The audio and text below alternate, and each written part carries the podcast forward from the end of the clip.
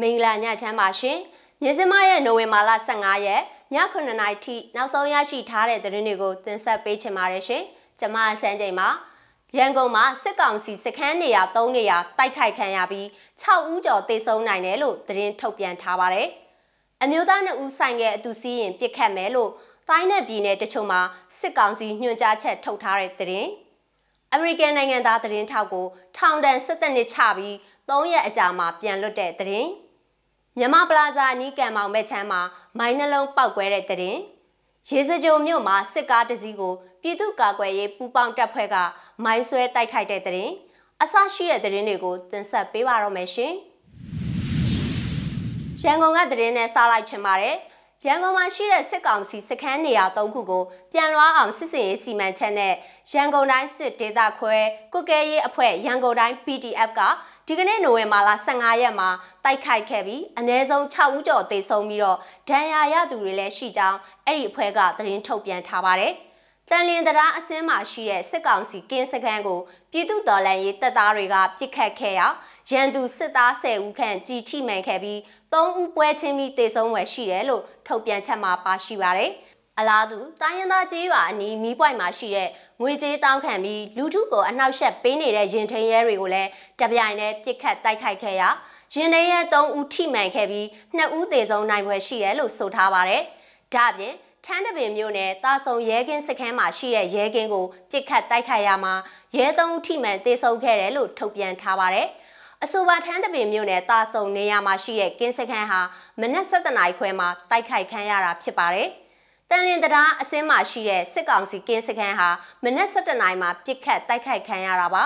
ပြစ်သွားတာခေါင်းတော့မဖော်နိုင်ဘူးအပြန်လန်ပြစ်တာမဟုတ်ဘူးတစ်ဖက်သေးကပြစ်သွားတာလို့တန်လင်ကင်းစခန်းပြစ်ခတ်မှုဖြစ်စဉ်နဲ့ပတ်သက်လို့ဒေတာခန်တအုပ်ကပြောပါတယ်တန်လင်တရားအစင်တန်လင်ဘက်ချမ်းမှာစစ်ကောင်စီကင်းစခန်းနှစ်ခုရှိပြီးပြစ်ခတ်ခံရတဲ့ကင်းစခန်းမှာတရားအစင်ရှိစခန်းတစ်ခုဖြစ်ပါတယ်။တခြားကင်းစခန်းတစ်ခုဟာ K-Box Karaoke ဆိုင်ရှိမှာရှိပါတယ်။အဲ့ဒီနားကညဆိုပတ်စံတောင်းတဲ့ကောင်တွေရှိတယ် ညနောက်ကြပြီးအလုတ်ပြန်လာတဲ့ကားတွေဆိုခဏခဏအတောင်းခံရတယ်လို့ဒေတာခန်တအုပ်ကဆိုပါတယ်လက်ရှိမှာတန်လင်းတရားကိုတာဂေတာဘက်အချမ်းမှာလည်းပိတ်ထားပြီးစစ်ဆေးမှုတွေလှုပ်ဆောင်နေကြောင်းဒေတာခန်တွေကပြောပါတယ်ရှင်။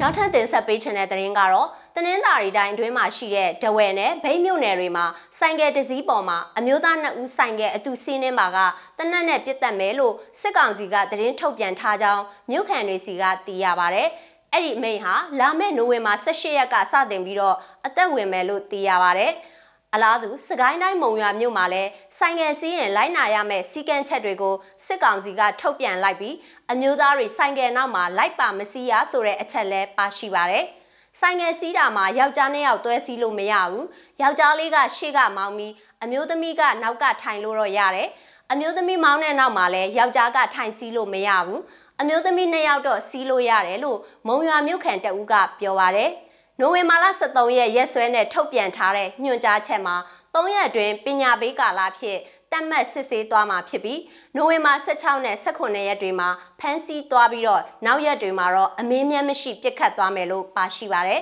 ။အဲ့ဒီထုတ်ပြန်စာတွေကိုမုံရွာမြို့အဝင်ဂိတ်နဲ့စစ်ဆေးရေးဂိတ်တွေမှာထုတ်ပြန်ထားတယ်လို့မြို့ခံတွေကပြောပါတယ်။ အခုလိုမျိုးမဟုတ်တန်းတရားတွေသတင်းတွေထုတ်နေတာတော့မဖြစ်သင့်ဘူးလေကျွန်တော်တို့လိုဆိုင်ကယ်ကယ်ရီဆွဲနေတဲ့သူတွေအတွက်တော့အများကြီးဒုက္ခရောက်ပါတယ်လို့ဗိမ်းမြို့ကဆိုင်ကယ်ကယ်ရီဆွဲနေသူအမျိုးသားတုပ်ကမှတ်ချက်ပြုပါရရှင်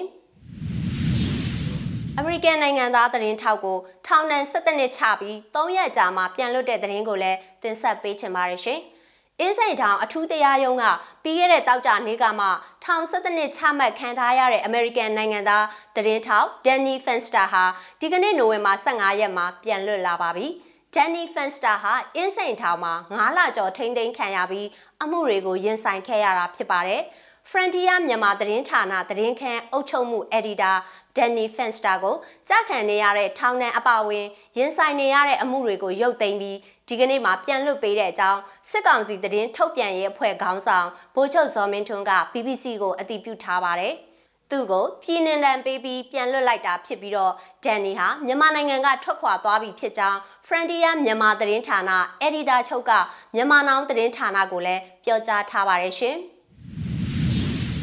ဆက်လက်ပြီးတော့ရရန်ကုန်မြို့ကဘာအေးဖျားလန်မြန်မာပလာဇာအနီးမှာရှိတဲ့အင်းရကံမောင်ဘက်ချမ်းမှာနိုဝင်ဘာလ14ရက်ညနေ4:15မိနစ်မှာအဝေးထိန်းမိုင်းနှလုံးဖောက်ခွဲခဲ့ကြောင်းဗမာဇာမနီအဖွဲ့ Burma Phoenix Organization BPO အဖွဲ့စီကသိရပါဗျ။ပထမတလုံးအရင်ခွဲလိုက်တဲ့ အဲ့ချိန်မှာလာစစ်တဲ့စစ်ကောင်စီတပ်ဖွဲ့တွေရှိတယ်။လာစစ်တဲ့အချိန်နောက်တလုံးထပ်ခွဲလိုက်တာစစ်ကောင်စီတပ်သား2ယောက်တော့ဒဏ်ရာအပြင်းထန်ရသွားတယ်။တေဆုံးမှုရှိမရှိကိုတော့ကျွန်တော်တို့လည်းအတိမပြုနိုင်သေးဘူးလို့ Burma Phoenix Organization BPO အဖွဲ့တာဝန်ရှိသူကမြစ်စမကိုပြောပါရယ်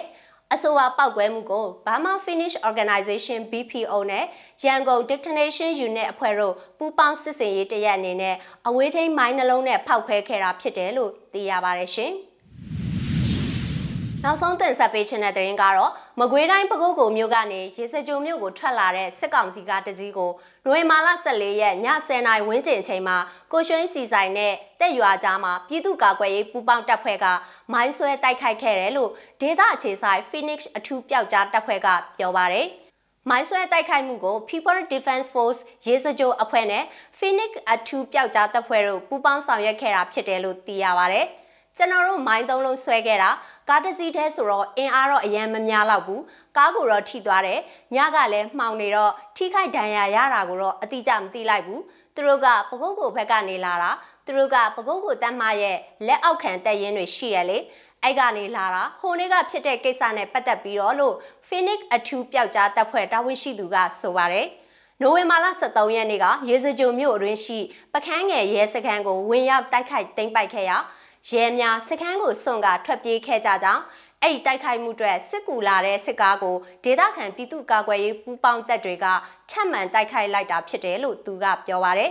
ဒါပြင်မကွေးတိုင်းရေစကြုံမြို့နယ်အတွင်းမှာရှိတဲ့ရေလေကျွန်းဒေသမှာစစ်အင်အားဖြည့်သိမ်းမှုတွေရှိနေကြောင်းသိရပါဗျ။အဲ့မှာသူတို့အင်အား60လောက်ရောက်နေပြီးကျန်တဲ့စစ်ကားတွေကလည်းအဲ့ဒီကိုသွားနေတယ်လို့သိရတယ်လို့သူကပြောပါဗျ။ စစ်ကောင်စီတပ်ကနေစစ်ကားအစီး20ခန်းဟာနိုဝင်ဘာလ15ရက်မနက်ပိုင်းကလည်းရေစကြုံမြို့ကနေအေယာဝတီမြစ်နဲ့ချင်းတွင်းမြစ်ကြားမှာရှိတဲ့ရေလေကျွန်းဒေသကိုထွက်ခွာသွားတယ်လို့လည်းသိရပါတယ်ရှင်။ဒီဇင်ဘာရဲ့နိုဝင်ဘာလ15ရက်ည9:00နာရီထိနောက်ဆုံးရရှိထားတဲ့သတင်းတွေကိုတင်ဆက်ပေးခဲ့တာပါ။ကြည့်ရှုအားပေးတဲ့အတွက်ကျေးဇူးအထူးတင်ရှိပါတယ်။မြန်မာပြည်သူတွေဘေးရန်တဲ့ပေါင်းကကင်းဝေးကြပါစေရှင်။